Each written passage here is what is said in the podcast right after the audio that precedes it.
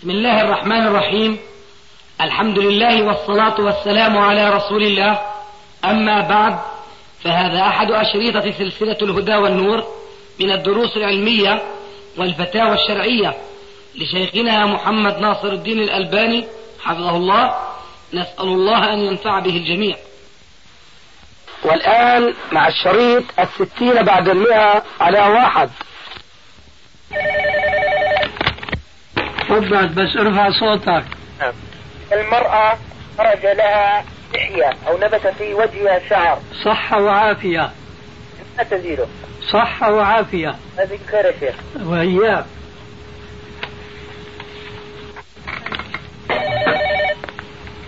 نعم. عليكم. عليكم السلام. عليكم الحمد لله بخير.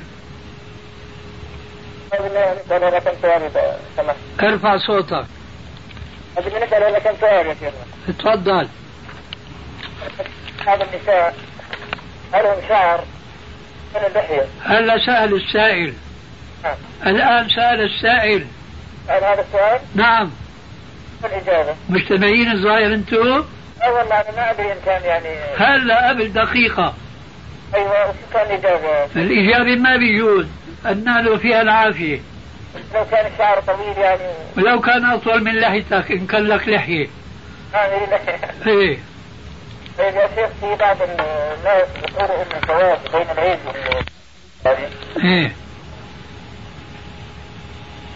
آه كذا شو ما فهمت شو بو عيد الفطر.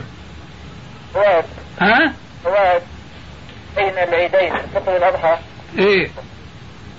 هذا مثل يقولوا هيك شو يا أخي الزواج بين العيدين يقولوا مكروه يعني غير لا مو مكروه. على انه ما في شيء يعني. لا. طيب يا شيخنا بالنسبة للتعزية هل تجوز يعني التعزية بالرسائل لما يذهب الشخص مثلا يعزي الشخص؟ آه، ما في بورقه أو بكتاب ما فهمت يا عزي شخص بإيش؟ كتاب أو برسالة. عنده رساله مثلا يعزيه فيها ليش, ليش ما بيروح بيعزيه في محله في متجره في جامعه لنفرض إنه في مكان بعيد مثلا بالسعودية. إيه إذا افترضت هيك عزيه بال- بالكتاب والرسالة. هذا الإخوة بيصلي بالناس يعني باستمرار بدون امامه وبقول إنه الرسول صلى الله عليه وسلم صلى بالناس بلا امام ونتخذ هذا المثال يعني عادي الرسول صلى بالناس إماما بدون إيش؟ أمامه. أمامه. يمكن أنت تقصد أنه بيقول ذاك الشخص صلى بدون غطاء رأس يعني. مش مش بدون إمامة. ها؟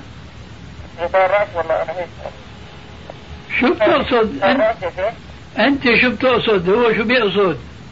الامامه هي يعني اللي بحطها على رأسه سواء كانت طاقيه أو حتى أو شيء. الطاقية الله يهديك أنت وياه ما اسمها إمامة.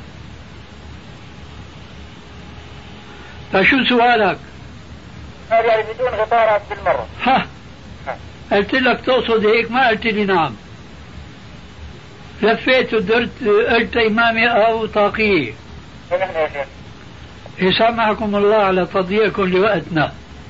الرسول عليه السلام ما نقل عنه إلا في حديث ضعيف لا تقوم به حجة أنه صلى والقلنس وهي الطائية أمامه سترة وهذا حديث ضعيف. لا تقوم به حجة أما أنه صلى بطاقية أو قلنسوة وليس عليها عمامة فهذا ممكن لأنه هي عادة الرسول عليه السلام فكان يلبس ما تيسر له. تارة طاقية بدون عمامة تارة عمامة بدون طاقية. تارة عمامة على قلنسوة وهكذا. فالأمر فيه يسر. ولكن ليس فيه تصنع وليس فيه تكلف. هل اللي بيتيسر بيلبسه على رأسه لكن لم يكن من هديه عليه الصلاة والسلام أن آه، يمشي في الطرقات حاسر الرأس وبالتالي لم يكن من هديه عليه الصلاة والسلام أن يصلي حاسر الرأس واضح؟ طيب غيره شو عندك؟ يعني هذا الرجل بيصلي حاسر الرأس هل هذا عادة؟ هل يعني هذا هذا مكروه خلاف السنة. أهلا وسهلا. نعم. نعم نعم. الأول. ها؟ الأول سؤال. السؤال الأول. تفضل يا أخي تفضل عجل.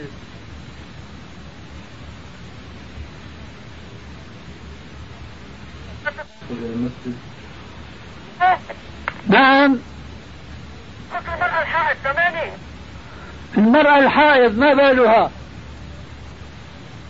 النبي صلى الله عليه وسلم أجاز لها أن تدخل المسجد غير أنه لا تطوف في البيت. أيوة.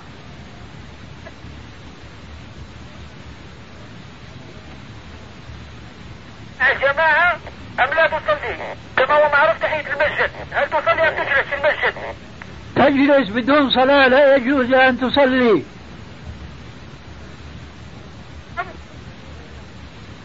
تجلس في المسجد دون أن تصلي. لا تصلي دون أن تصلي. دون أن تصلي ولكن إيش دليل بهذا يا شيخ؟ الدليل ما ذكرته من الحديث وهو في صحيح البخاري. اصنعي ما يصنع الحاج غير أن لا تطوفي ولا تصلي. فماذا يصنع الحاج؟ يدخل المسجد. ويصلي ويطوف ويجلس ويقرأ القرآن. كل ذلك مما أباحه الرسول عليه السلام لها ولكنه استثنى من الإباحة الصلاة والطواف بالبيت. هذا الحديث النبوي الشريف لا يجوز لها أن تصلي. أيوة. وهناك أحاديث أخرى في أن المرأة لا تصلي ولا تصوم. ولكنها تقضي الصوم ولا تقضي الصلاة. الثاني يا شيخ. تفضل. إذا أسقطت.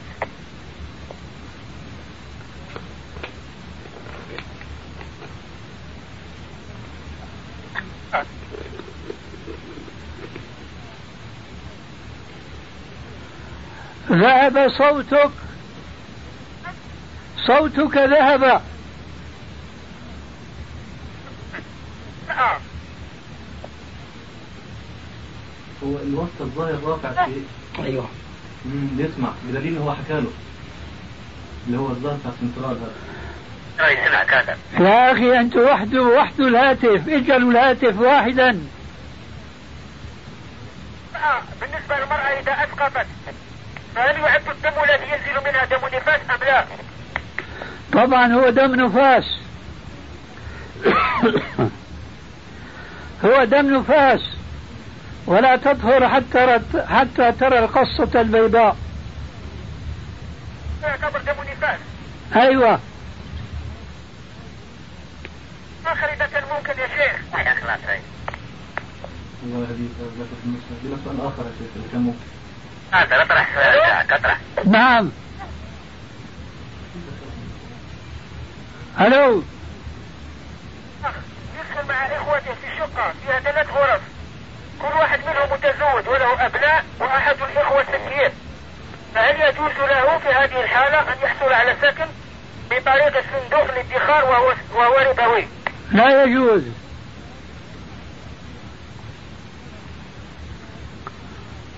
ضرورة ولا شيء. لا يجوز. نعود إلى أصل المسألة القدر. نعم. السلام عليكم ورحمة الله وبركاته. وعليكم السلام ورحمة الله وبركاته ومغفرته. كيف حال شيخنا الكريم؟ الله يبارك فيك أحمد الله إليك. كيف أنت؟ الحمد لله. عساك طيب؟ الحمد لله. دائما. بارك الله فيك. أنا منكم وفيكم. بارك الله فيك. وفيك بارك. ونفعنا الله بعلمك. الله يحفظك. لو سمحت لنا من فضيلة الشيخ سؤال تفضل. آه، بالنسبة في إمام مسجد. وين؟ في مصر. ها في مصر. آه في مصر. نعم. جمع الكتب ووضعها في مكان وليكن مثلا في في جوال في شوال. آه. فقال إنها علي عهدة ومنع الناس من الانتفاع بها رغم أن فيها تفاسير وفيها آه، كتب نافعة. هل يجوز سرقتها؟ لا يجوز. وينقلها إلى أم؟ ينقلها إلى حتى في مكان بعيد عن الأيادي يعني عن الانتفاع بها. سمعتني ما أسألك؟ نعم. أقول لك ما أقول يسرقها لكن ينقلها إلى أين؟ إلى جيبه إلى داره؟ في نفس المكان. كيف نفس المكان؟ في المسجد. إذا كيف تسأل يسرقها وهو ينقلها إلى المسجد؟ لا يجوز إن أنا أسر- اسرقها أسرقها منه. يعني انتفع بها. منه آه. لا يجوز وأنا بقول لك إلى أين؟ يسرقها ويضعها أين؟ في شوال لا ولا قوة إلا بالله. والشوال أنا فاهم يا شيخ. أيوه. والشوال يحمله إلى أين؟ في المسجد في الجامع ما اخرجوش من الجامع. ولكن أبعده عن أيادي الناس التي تنتفع بهذه الكتب. يا أخي وضعها أين الله يهديك ضعها في أين؟ وضعها في, في, في بيته. هذا هو أنا بقول لك في بيته. آه. لماذا وضعها في بيته؟ على إنها عهدة عليه. يعني أنت تعني أن هذه الكتب لا ينتفع بها رواد المسجد؟ أيوه. نعم. طيب ألا يوجد مسجد آخر ينتفعون به؟ يوجد مسجد آخر ينتفعون به. آه يوجد ولا لا يوجد؟ جد. إذا السرقة حرام كالأصل. نعم. واضح؟ واضح. طيب عندك شيء آخر؟ شيء آخر. هل يجوز نشر الصور في في الجرائد اليومية؟ هل يجوز إيش؟ نشر الص- الصور. نشر الصور؟ أيوه. في الجرائد اليومية. وهدول اللي بيطبعوا الجرائد يعني فكرك بيحللوا وبيحرموا لحتى تسأل يجوز ولا لا يجوز؟ بالنسبة لنا إحنا ما لناش دعوة بهم هم. إحنا بالنفس لنا أنفسنا إحنا. يعني. أنت عم تقول نشر إذا أنت تعني هل يجوز شراء الجرائد يعني مثلا أنا عندي صورة. أنت تعني هل يجوز شراء الجريدة؟ لا مش اعني شراء الجريدة. إذا جريدة. إذا ماذا تعني؟ اعني انها في مسابقة معينة. ولتكن حفظ القرآن الكريم آه. فطلبوا مني صورة لينشروها في الجريدة الرسمية. أيوة. أنا مثلا نجحت في هذه المسابقة. أيوة. هل يجوز نشر الصورة؟ إذا أنت تعني هل يجوز أن تعطيهم صورة لك لينشروها؟ نعم. وين سؤالك وين واقع أمرك؟ مثلا بقرأ ما, ما يجوز ما يجوز. لا يجوز. لا. لا يجوز. جزاكم الله خيرا. وإياك وأنت حينما تنجح ماذا تقصد بالنجاح؟ تقصد الدار الدنيا أم الآخرة؟ الآخرة طبعا. إن شاء الله. إن شاء الله. السلام عليكم. بكلمك بالشونة الجنوبية. من شونة الجنوبية؟ هذا الشونة الجنوبية. يسلم على أخواننا هناك. الأخ جمال عايز يتكلم معاك أهو. آه طيب. آه. السلام عليكم ورحمة الله وبركاته. وعليكم السلام ورحمة الله وبركاته ومغفرته كيف حالك يا شيخنا الفاضل؟ أحمد الله إليكم جميعا. خير إن شاء الله. أرجو الله أن نكون جميعا بخير. كيف حال الصحة؟ ماشي الحال. صحة عجوز. نعم. صحة عجوز. أعانك الله وقواك الله. جزاك الله خير. يحييك الله يبارك فيك. الله يحفظك. في سؤال من فضلك لو سمحت. تفضل. هل استشارة الوالد أو استئذان الوالد في مسألة الزواج واجبة؟ آه المستشير أعزب. ما دخل الدنيا بعد؟ لا لسه. لسه لسه لا ما بدها استشارة لأن هذا فرض. لا حاجة إلى الاستشارة لأن الزواج في اعتقادي فرض وليس سنة فقط. لأن إذا خشي الإنسان على نفسه العنت أيوة أيوة خشية من باب أولى. لأن النبي صلى الله عليه وسلم كان يقول كما في الصحيحين يا معشر الشباب من استطاع منكم الباءة فليتزوج فإنه أغض للبصر وأحسن للفرج ومن لم يستطع فعليه بالصوم فإنه له وجاء.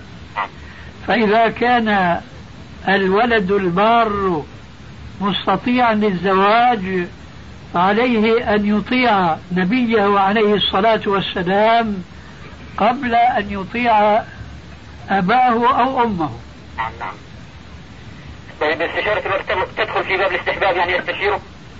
لا بأس على كل حال الاستشارة خير طيب كما قيل كما قيل نعم. وقد روي حديثا ولا يصح إسناده نعم. ولكنها حكمة نعم. ما خاب من استخار ولا ندم من استشار ولا عال من اقتصد. الاستشارة مفيدة وبخاصة استشارة الوالدين. وقد يختاران وقد يختاران لك صاحبة الدين والخلق. طيب غيره. جزاك الله عنا خيرا. وإياك يا أخي. أتمنى منك إن شاء الله أن تدعو لنا بالتوفيق. أرجو لك ولنا التوفيق. والسعادة في الدنيا والآخرة. اللهم آمين. بارك الله فيك. أهلا مرحبا. السلام عليكم ورحمة الله وبركاته. عليكم السلام ورحمة الله وبركاته ومغفرته سلمك الله. لكن مع ذلك نحن نقول أن هذه الغرابة نعم. السلام عليكم ورحمة الله وبركاته. عليكم السلام ورحمة الله وبركاته ومغفرته كيف حال شيخنا الكريم؟ أحمد الله إليك. خير صغير لو سمحت. كبره كبره. كبره. جزاك الله. أيوه. يكبر الأجر. هل يجوز الرجل أن يسمح لزوجته أن تخرج للتدريس بلباس شرعي؟ السؤال إلى هنا كامل ماشي لكن ينقصه. نعم. أين مكان التدريس؟ وهل تخالط الرجال أم لا؟ لا تخالط الرجال. لا تخالط؟ نعم. آه. يعني هي مدرسة بنات. بنات مدرسة بنات. ولا يأتيهن الرجال. ولا يأتيهن الرجال. إذا كان بهذه القيود فيجوز. ولكن المعاش كيف هو. معاشها. راتبها. من الوزارة. راتبها. من الوزارة. لا ليس هذا السؤال. نعم آه راتبها. من يتمتع به هي أم أنت أو هو؟ هي وزوجها. هي وزوجها. نعم آه وهي راضية؟ هي راضية. طيب لا بأس بذلك في هذه الشروط. نعم. لكن لها أولاد؟ لها أولاد. من يقوم على شؤونهم؟ الوالد طبعا. آه هنا انعكست الآية. هنا انعكست الآية. ماذا؟ الوالد وزير خارجية والزوجة وزير الداخلية. نعم. فالآن عكست النظام الإلهي. سبحان الله. إيه. يعني أنا خايف يجي يوم يصير وزير الخارجية اللي هو الزوج ينفخ ويطبخ ويكنس وهي تخرج وتعلم. نعم. وتصير هي وزيرة الخارجية. هو وزير الداخلية. أيوه. هذا قلب النظام الإلهي ما يجوز. أما لو كان في أول الزواج أو كان قد ابتلي بالعقم ولله في خلقه شؤون وحكم وهي متحجبة وملتزمة ولا تخالط الرجال فينفع الله بها البنات. أما وهناك لها أولاد فيجب أن تقوم على تربية أولادها. ويجب على الرجل أن يحقق وزارته بأن يقوم بعمل خارج الدار. الدار للنساء وليس للرجال. ولذلك قال رب العالمين في القرآن الكريم ما فعل وقرن وقرن في بيوتكن ولا تبرجن تبرج الجاهلية الأولى. والآية فيها حكمان قد يتلازمان وقد ينفكان وقد لا تخرج وتتبرج تبرج الجاهلية الأولى. نعم ولكنها تخرج بدون ضرورة أو بدون حاجة ملحة. فالأصل في المرأة كما يقول بعض العلماء السالفين المحققين الأصل في النساء ال- الجلوس وفي الرجال البروز. والآن تنعكس الآية في هذا السؤال. الذي فيه بعض المواصفات الطيبة فضلا عن واقع كثير من النساء اليوم حيث يعملن في الدوائر وفي المعامل والمصانع وهذا كله خلاف الشرع إذا إن كنت تسأل عن نفسك وزوجك نعم. فمرها أن تلزم دارك وأن تفتش عن عمل لك وإن كنت سأل عن صاحب لك فبلغه فأنا أكلفك بأن تبلغ ما سمعت وما علينا إلا البلاغ والسلام عليكم. وعليكم السلام ورحمة الله وبركاته. والفرض العلمي إلا إذا كان هناك استثناء وسنعود. إليه. وعليكم السلام ورحمة الله. كيفك شيخي؟ أهلين دكتور؟ لا، أنا شفت العصام. آه. اللي إنه إن شاء الله بيستفيد الشيخ.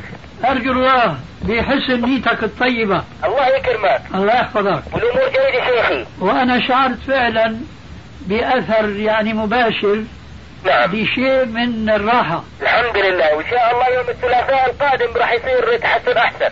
جزاكم الله خيرا. وإياكم شيخي. وأرجو لسميك الخير. الله يكرمك. وأن يحافظ إن شاء الله على الصلاة والطاعة. اللهم آمين. وأنت أيضا لا تنسه من يعني متابعتك بالتذكير والنصيحة. إن شاء الله شيخ إن شاء الله. وأنا إذا وجدت فرصة سأسارع إلى ذلك إن شاء الله. الله يكرمك يا سيدي الله يكرمك. الله يحفظك. يعطيك الصحة. شكرا دكتور. شيخي ما تنسانا من الكتب يا شيخ اللي أتحفت فيهم طاهر. على عيني وأسي. الله يكرمك يا. أهلا أهلا الله يكرمك. لأول فرصة إن شاء الله. السلام الله عليكم. وعليكم السلام ورحمة الله وبركاته. طيب الشيخ. ما شاء الله. هذا طبيب عزيز النسبة بالأطباء بمحافظته على دينه وعقيدته ونصحه للناس. لكن حكمة الله ليظل دولاب العلم دائرا وماشيا. إلى اليوم ما ينتهي علم الحديث أبدا. لذلك أنا أقول لعلمائنا لإخواننا الذين يطبعون كتبنا هذا الكتاب بين يدي. كنت أتحدث مع أخينا هذا وهو يسمى بأحمد أبو ليلى من أخواننا في الزرقاء بين يدي الآن المجلد الأول من سلسلة الأحاديث الصحيحة وهيئه للطبعة الجديدة. نعم. السلام عليكم ورحمة الله. عليكم السلام ورحمة الله وبركاته. شيخ ناصر؟ نعم. حالكم يا شيخ؟ أحمد الله إليك. انكم طيبون. طيبك الله حيا وميتا نحن نسلمكم من السعودية يا شيخ من منطقة الجبيل. منطقة إيه؟ الجبيل. الجبيل. أين هي في الشرقية؟ نعم في المنطقة الشرقية. أهلا ومرحبا. حياكم الله. أخوكم؟ بالله محمد الهاجري. محمد الهاجري. منكم بعض الأسئلة أثابكم الله. أهلا مرحبا. الشيخ أحسن الله إليك بالنسبة لحديث أبي هريرة رضي الله عنه. الذي رواه أبو داود على شرط مسلم الذي فيها الرجل ال- المسبل الذي قال له عد وضوءك. بالنسبة للمسبل هل تقبل صلاته يا شيخ؟ وما الصحة في هذا الحديث؟ آه قطعت علي استدراكي عليك. قطعت علي استدراكي الذي هممت به عليك. الصحة. أيوة. فكان ينبغي أن تسأل عن الصحة قبل كل شيء. لأن آه، تعلمنا من أهل العلم التأويل فرع التصحيح. إذا صح الحديث ينبغي أن نتفقه فيه وأن ننظر على ماذا يدل أما إذا ثبت ضعفه فحينئذ يقال كما يقال في بعض البلاد هذا الميت لا يستحق هذا العزاء. أي الحديث الضعيف لا ينبغي أن نشغل أنفسنا بالتفقه فيه وإنما نستأصل الموضوع بالقول بأنه حديث ضعيف فيه رجل مجهول. ولذلك نقول المسبل إزاره هو آثم أشد الإثم. كالذي يتختم بالذهب. لكن هو آثم وصلاته صحيحة. لأننا أيضا تعلمنا من أصول الفقه أنه لا يجوز إبطال صلاة رجل مسلم جاء بأركانها وبشروطها لمجرد أنه ارتكب إثما محرما. آخر سيئة صلى صلاة صحيحة ولكنه أتى بإثم. كالذي يصلي ومرت أمامه امرأة فنظر إلى شيء من مفاتنها. فهذا آثم لكن ليس عندنا دليل في الشرع يلزمنا بل يجيز لنا أن نحكم على صلاته بالبطلان لمجرد أنه ارتكب هذا الحرام. خلاصة القول الحديث ضعيف والإسبال حرام لكن لا دليل على بطلان صلاة المسبل إزاره واضح؟ وإليك وإليك. آه دخلت المسجد وهذا الإمام مسبل إمام. نعم هل أصلي خلفه؟ ولماذا لا تصلي خلفه ما دام أنك عرفت بأن الصلاة صحيحة؟ لكن لكن, لكن بديل أن تسأل هل تصلي خلفه؟ عليك أن تنصحه وأن تذكره بالتي أحسن. لكن ما تفعل كما كان أصحابك قديما يفعلون بأمرائهم وبيقولوا عنا في سوريا اس الله هذيك الأيام. اللي كان الشيخ العالم يشوف الأمير وعباءته كثوب المرأة يجر على الأرض جرة فيأخذ المقص ويقصه. ما في ضرورة لمثل هذه الشدة في المعاملة لكن الكلمة الطيبة تعمل عملها. فعليك أن تنصحه وأن لا يطيل ثوبه أو جبته أو آه، عباءته. هذا الذي أنصح به أما أن الصلاة فقد دخلت الحمام وكان في جيبي القرآن هل علي في ذلك حرمة؟ لا حرمة ما دام أن القرآن في جيبك مكنون محفوظ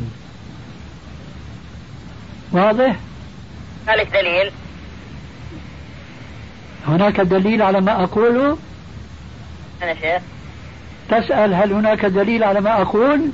نعم آه الجواب الدليل ليس على من يتمك يتمسك بالأصول والقواعد العلمية الفقهية وإنما الدليل على من يخالفها.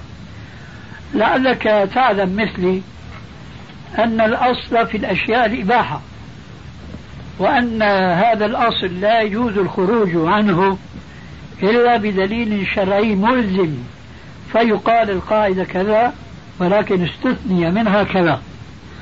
هذا الاستثناء لا وجود له البتة وإنما هناك الآية المعروفة ومن يعظم شعائر الله فإنها من تقوى القلوب فإذا كان القرآن المصحف الكريم كما قلت في الجيب غير ظاهر فليس فيه شيء من الإهانة.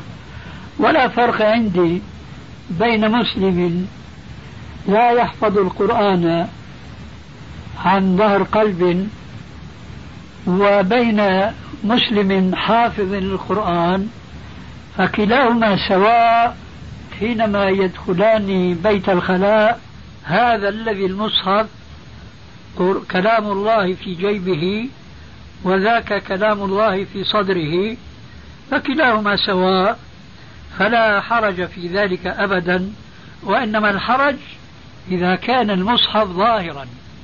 ففي هذه الصورة فيه نوع من الإهانة للمصحف التي لا تليق بتعظيم شعائر الله عز وجل.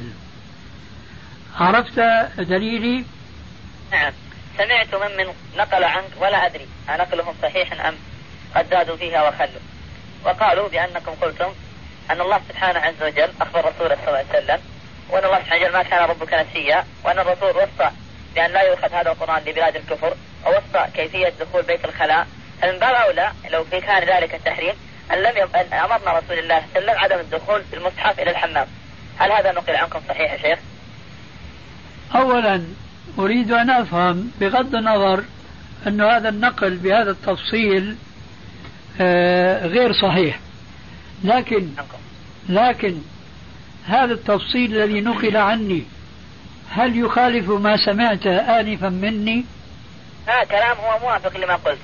فإذا دعك والتفصيل. لكن شيء من ذاك التفصيل أنا أقول به.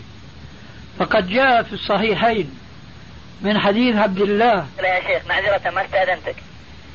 إيش هو؟ مكالمتنا مسجلة.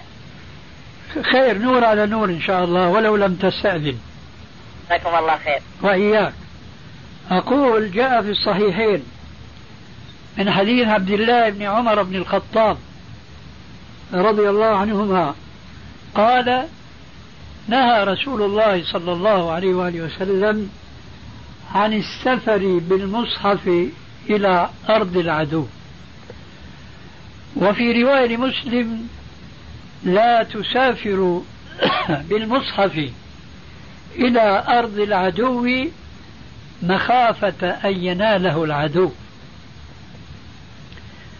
فهذا الحكم الشرعي فيه أو هو مقرون في الحديث بعلة الحكم.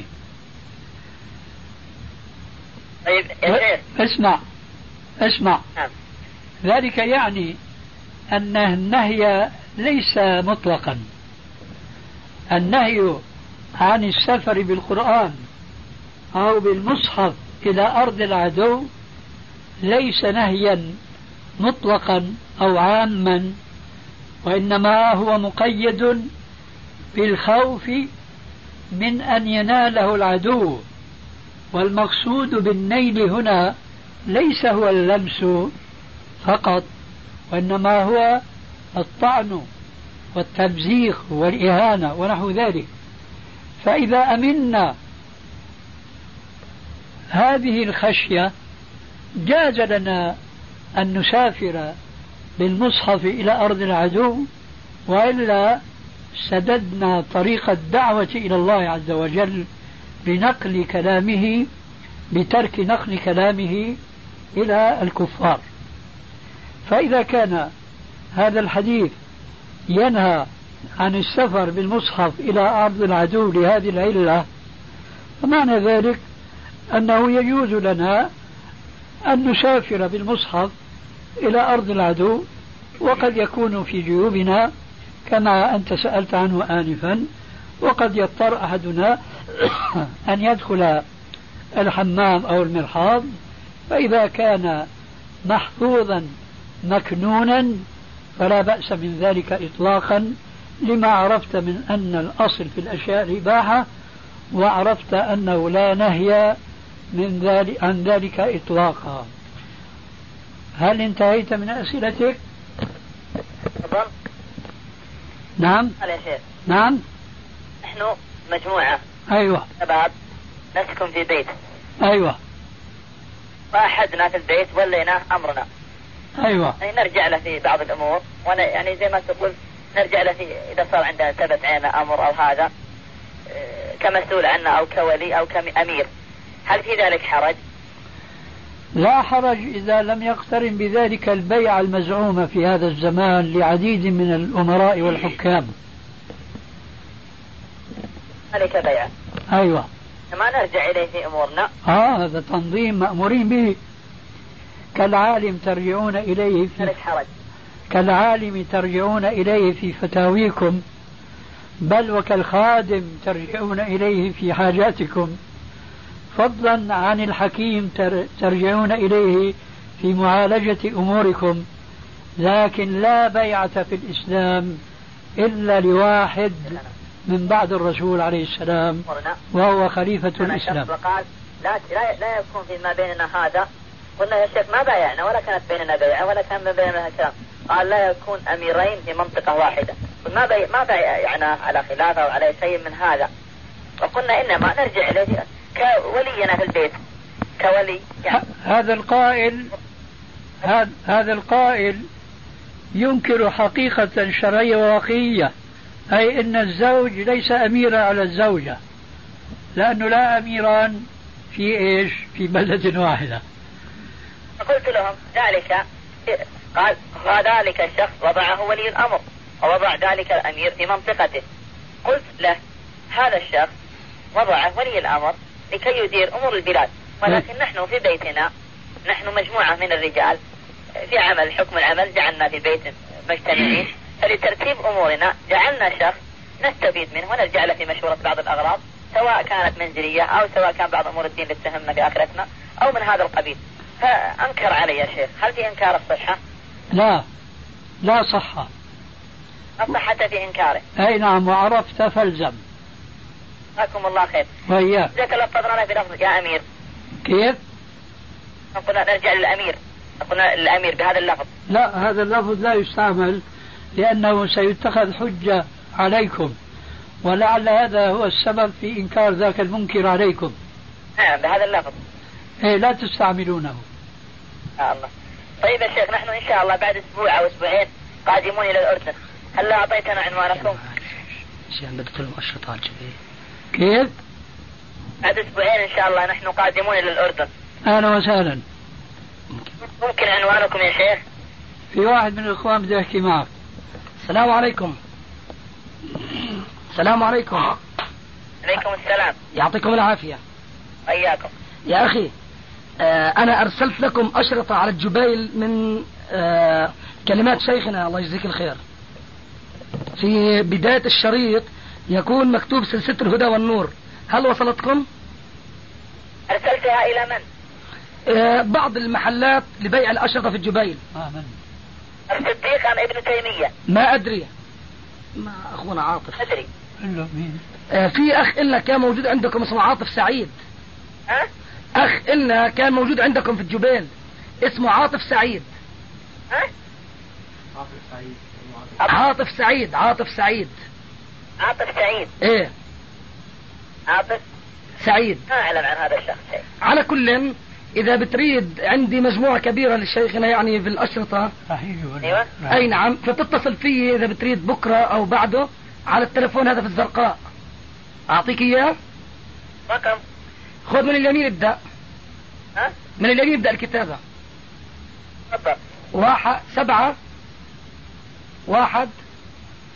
ثلاث. خمسة. إلى اليسار. ها؟ اليمين إلى اليسار أو من اليسار لليمين. من اليمين لليسار. أيوة سبعة. ابدأ من جديد. هذا سبعة واحد ثلاث. أيوة.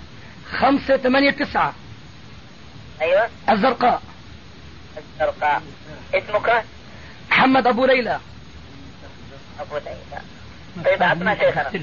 تفضل. السلام عليكم. عليكم السلام ورحمة الله وبركاته. أنتم إذا الله جئتم نأتيكم بعد أسبوعين. نريد العنوان. إذا جئتم إن شاء الله نعم. عنواني عمان ماركا الجنوبية. معركة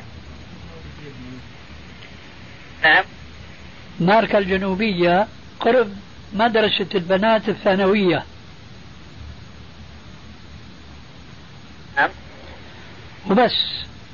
مو بجنب جبل العملات هو جبل أملان قريب منا لكن هذا العنوان أقرب إلينا. يعني بيننا وبين المدرسة نحو يعني 100 150 متر مش كيلو متر. طيب أثابكم الله. أهلا وسهلا. وإذا أشكل عليكم الأمر تتصلون بنا هاتفيا نعم. ويكون رقمنا معكم إن شاء الله. السلام عليكم ورحمة الله. وعليكم السلام ورحمة دعواتكم يا الله شيخ. نعم. أقول دعواتكم يا شيخ. بارك الله فيك. سامحنا يا شيخنا عشان أبطل ما صار شيء. لا إله إلا الله. من التأويل. أولئك أول نصوص العقيدة. السلام عليكم ورحمة الله وأولئك أول نصوص الفقه والأحكام. وعليكم السلام ورحمة الله وبركاته. مشغول يا شيخ؟ نعم. آه لا تستطيع الآن أن أتحدث؟ تفضل إيش عندك؟ آه كنت آه نراجع ونتدارس آه حديث صلاة التسبيح. أيوة. كنا خذ هذا فإذا بعض طلبة العلم كأنهم يقولون في هذا الحديث شيء وعندما تدارسنا السند فكانوا يتكلمون عن المتن ويذكرون أن المتن قدح فيه لأن الصلاة هذه لم يأتي لها هيئة سابقة ولا معتادة. فالسؤال هل تكلم أحد في المتن؟ تكلم بعضهم كما نقلت عن بعضهم. يعني تكلم في المتن. ما أقول تكلم في المتن. أقول تكلم بعضهم كما تكلمت أنت عن بعضهم. نعم. يعني قالوا أن هذه الصلاة تخالف هيئات الصلاة المعروفة الثابتة. هذا هو الذي قالوه. من من المشهورين أو المعروفين في هذا الفن؟ إمامنا ابن تيمية. نعم. ومن قبله ابن الجوزي. نعم أو في موضوعات. أيوة. لكن كلامهم مردود. لأن, لأن هذه العلة علة عقلية منطقية. ولا قيمة لها في نقد المتون الحديثية. لعلك تذكر معي صفة صلاة الكسوف وأنها ركعتان في كل ركعة ركوعان. فهذه صلاة تميزت على كل الصلوات المعهودة. فماذا يضر بعد ثبوت الحديث بذلك عن الرسول عليه السلام؟ على رغم مخالفة الحنفية لهذه الكيفية. فما يضر هذا النقد إطلاقا. يجب على كل حديثي يتوجه إلى نقد الأحاديث أن يكون أن يكون نقده إياها من حيث إسنادها. لا من حيث متونها. ولكن إذا لم يثبت الحديث حديث ما من حيث إسناده حينئذ يتوجه الناقد إن كان عنده منطق إلى نقد المتن أيضا فيصبح الحديث ضعيفا سندا منكرا متنا. وإياك أن تغتر أنت أو غيرك بما جاء في مقدمة ابن الصلاح وغيرها من كتب المصطلح أنه قد يكون إسناد الحديث صحيحا ومتنه غير صحيح. إياك ثم إياك لأن هذا الكلام على إطلاقه ليس صحيحا في واقعه. ولا بد من ترقيعه بتأويله حتى يستقيم الكلام. وذلك بأن يعني إسناده صحيح بغض النظر عن بعض شروط السند الصحيح التي منها ألا يشذ ولا يعلى فقد يكون إسناد قال فيه فلان إسناده صحيح وهو معذور. لأنه لن تتبين له العلة. والعلة كما قد تعلم إن شاء الله تنقسم إلى قسمين علة جلية وعلة خفية. والعلة الثانية هي التي تخفى على كثير من العلماء فضلا عن غيرهم. فإذا قال قائلهم قد يكون إسناد الحديث صحيحا فهو بهذا التأويل. أما إسناد صحيح سالم من أي علة ويكون المتن منكرا ضعيفا هذا لا وجود له في الدنيا. إذا عرفت هذه الحقيقة فينبغي كما قلت آنفا أن يتوجه الناقد إلى الحديث بنقد الإسناد. فإذا سلم السند سلم المتن وإلا فتحنا طريقا على أناس يدعون أن الإسلام ليس سوى القرآن فقط لأنهم وجدوا أحاديث كثيرة غير صحيحة وبخاصة حينما فتحوا باب النقد للمتون الذي يسميه بعض المعاصرين المقلدين للكفار المستشرقين بالنقد الداخلي. يسمون نقد المتن بالنقد الداخلي. فلما توسعوا في النقد لم يسلم لهم من الحديث إلا القليل القليل جدا ولذلك أيضا أعرضوا عن هذا القليل واكتفوا بالقرآن فخرجوا عن الإسلام باسم القرآن.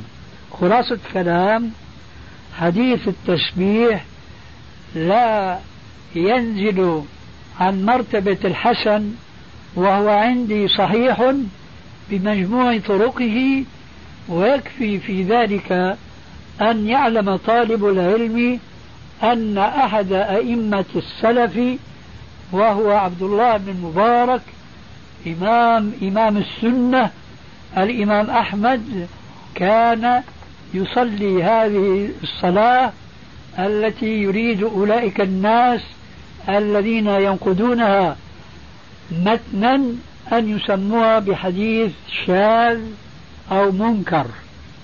فمثل هذا الحديث وقد جاء من طرق كثيرة وبعضها ليس فيه إلا الضعف اليسير الذي يتقوى بمثله وقد عمل به ذلك الإمام فلا تغتر بما ينقل من الكلام عن بعض أئمة الإسلام في تضعيف أسانيده أو في الحكم على الإسناد بالنكارة. هذا ما عندي. آه بالنسبة لما قلت في آه كأنهم ذهبوا إلى مقدمة ابن صلاح آه صلاح كنا نتكلم فقال ذكر أنه يكون مثل ما قلت آه أنه يكون صحيحا والمتن فيه نكارة. فضربوا مثال على حديث البخاري لم أطلع عليه ولكن كان في آه أثناء الحوار وأثناء المناقشة يقول أن النبي صلى الله عليه وسلم آه تزوج وهو حرام. هل هذا في البخاري؟ نعم هذا تزوج ميمونة وهو محرم في صحيح البخاري نعم. آه كأنهم يعني يقول, يقول هذا سنده صحيح وفي البخاري ومع هذا إن العلماء أنكروا هذا المثل هذا مثال صالح لما قلت لك انفا أن المقصود أنه قد يكون الإسناد صحيحا والمتن شاذا أو منكرا أي صحيحا باعتبار النظر نظر البعض في هذا الإسناد ولكن حينما تجمع طرق الحديث فيتبين أن فيه علة أو فيه شذوذا حينئذ لا يقول هذا المتبين لتلك العلة أو لذاك الشذوذ هذا إسناد صحيح. كيف وصاحبة العلاقة وهي ميمونة تقول تزوجني رسول الله صلى الله عليه وآله وسلم وهو حلال. ولذلك هذا الحديث إذا قيل إسناده صحيح فيجب أن يفسر بأن رجاله رجال الصحيح وهو كذلك فإنه في ولكنه لم يخل من علة قادحة لو لم يكن حديث ميمونة المصرح بأن النبي صلى الله عليه وآله وسلم تزوجها وهي حلال لقلنا كما قال ابن عباس في حديث الصحيحين تزوجها وهو محرم. لأنه ليس عندنا ما يقبح ويبين شذوذ هذا الحديث. أما وقد جاء حديث ميمونة من طرق عدة أنه عليه السلام تزوجها وهو حلال. في شيء آخر عندك؟ ولا أقول لك السلام عليكم. لو سمحت يا شيخ. وهو آه، خاص بي. هل يجوز أو هل ورد كأني قرأت في أحد كتب الستة؟ الله أعلم أنه أحد نساء النبي صلى الله عليه وسلم كنا يقصون شعورهن أو يأخذن من شعورهن. هل صح هذا السند أو صح هذا الأثر؟ إيه صح هذا؟ شعرها أو تقص من شعرها. إيه نعم. غير في غير آه، النسك. قرأته في صحيح مسلم. أنت قرأته في صحيح مسلم. تذكرنا الجم وأنت أعلم مني أن نساء النبي صلى الله عليه وسلم كن يأخذن من شعورهن. حتى تكون كالوفرة. هكذا نص الحديث في صحيح مسلم. يعني نقول بجوازه. بشرط واحد. أن لا تقصد المرأة التي تقص شعرها أن تتشبه بالكافرات أو الفاسقات من المسلمات ولا أقول المؤمنات. فهمتني؟ أنا كنت على في توقف من هذا وفي حيرة من أمري لأني آه عندي آه زوجتي وأخواتي ويردن العمل بهذا وكنت أتوقف دائما وأعرضهن حتى أتوقف آه أقف على سند هذا الحديث إيه ولكني أنصحك إياك أن تسمع لهن سماعا مطلقا وإنما بالقيد والشرط الذي ذكرته لك آنفا الله خيرا. طيب نستودعك الله ونسلم عليك يا شيخ. إيه سلم علي. السلام عليكم ورحمة الله وبركاته. وعليكم السلام ورحمة الله وبركاته.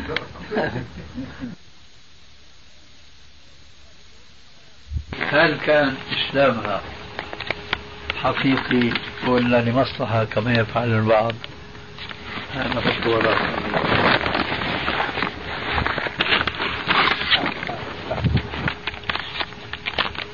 أنا عم أحكي هلا مشان لعله إني بحاجة إليك. ف ما عرف يجاوب. كمان الثاني ما عرف يجاوب. قال لي خذ أحكي مع ابنه. بدأ يحكي. كمان الرجل ما بيعرف. هل لي نحن نقدر نفتي عليه. إذا كانت أعلى الإسلام رسميا كما يقولون ومنطلقها في حياتها على مقتضى هذا الإسلام فهي تدفن في مقابر المسلمين. صرحوا جميعا أنها ما كانت تصلي ابنها أخيرا بيقول راحت للعمرة عند أختها بيجوز ذهابا للعمرة بحيلة تشوف أختها بنتها. ها؟ بنتها هي بنت هذه ال... آه نعم بنتها. المقصود فجوابي إذا كان منطلقة في حياتها بتدل على إسلامها فهي تدفن في مقابر المسلمين ولا يجوز أن تدفن في مقابر النصارى. وإذا كان منطلقة في حياتها بدل على أن هي كلمة قالتها ما بتعرف شو الدوافع الشخصية التي حملتها على أن تسجل نفسها أنها مسلمة وفي حوادث كثيرة من هذا القبيل لا تخفى على الجميع. فحينئذ ما له قيمة الإعلان هذا لأنه قول غير مقترن بالفعل. فإن تابوا وأقاموا الصلاة وآتوا الزكاة فخلوا سبيلهم. هيك في القرآن الكريم. سألت ابنه كانت تروح على الكنيسة يوم الأحد؟ يعطي جواب في حذر يقول أنا ما شفته. فعلى ذلك تجتمعوا وبتصفوا حياتها كيف كانت. إن غلب على حياتها أنها مسلمة تدفن في المسلمين وإلا في النصارى. جزاك الله خير. طيب وظيفة شيخنا أمثالنا يعني المسلمين بدخلوا مقابر هذه النصارى وبقوموا بدفنها؟ لا. لا. ولا حتى ابنها؟ لا ابنها ما في مانع. لكن تشييعها وكذا ما بيجوز. جزاك الله خير. أنها مسلمة تدفن في مقابر المسلمين. وإذا ثبت أنها كانت في منطلق حياتها ليست كذلك فلا تدفن في مقابر المسلمين. وأنا ما بقول ادفنوها هو ولا هو لأني ما بعرف شو حياتها طيب شيخنا بالنسبة لأولادها أو من يش- يشاهدها يعني يوميا؟ ما هو ما أعطى جواب. أي نعم. الآن نفترض لو هذا مثلا شريط سمعناهم إياه الآن وبنقول أنت مثلا يا ابنها أو يا بنتها شو بتشهدوا عليها؟ فستسأل أمام الله يوم القيامة أنت على هذه الشهادة. أي. فبروا أنفسكم أمام الله. فإن كانت يعني معاملاتها وصلاتها وكذا زي الإسلام زي المسلمين فتدفن في مقابر المسلمين. وإلا فإذا كانت معاملاتها وأسلوبها وحديثها وذهابها للكنيسة أو كذا فتدفن في مقابر النصارى وأنتم الآن مسؤولون عن هذا. ما هذا أنا كلامي يدور حول هذه القضية. أي نعم. نحن ما نعرف حياتها هن أعرف نعم. فإذا بيحكموا أنها كانت مسلمة عملا تدفن في مقابر المسلمين وإلا في مقابر النصارى. فالحكم بيصدر من عنده. نحن أعطيناه المبادئ. نعم. وبس. جزاك الله خير يا شيخ.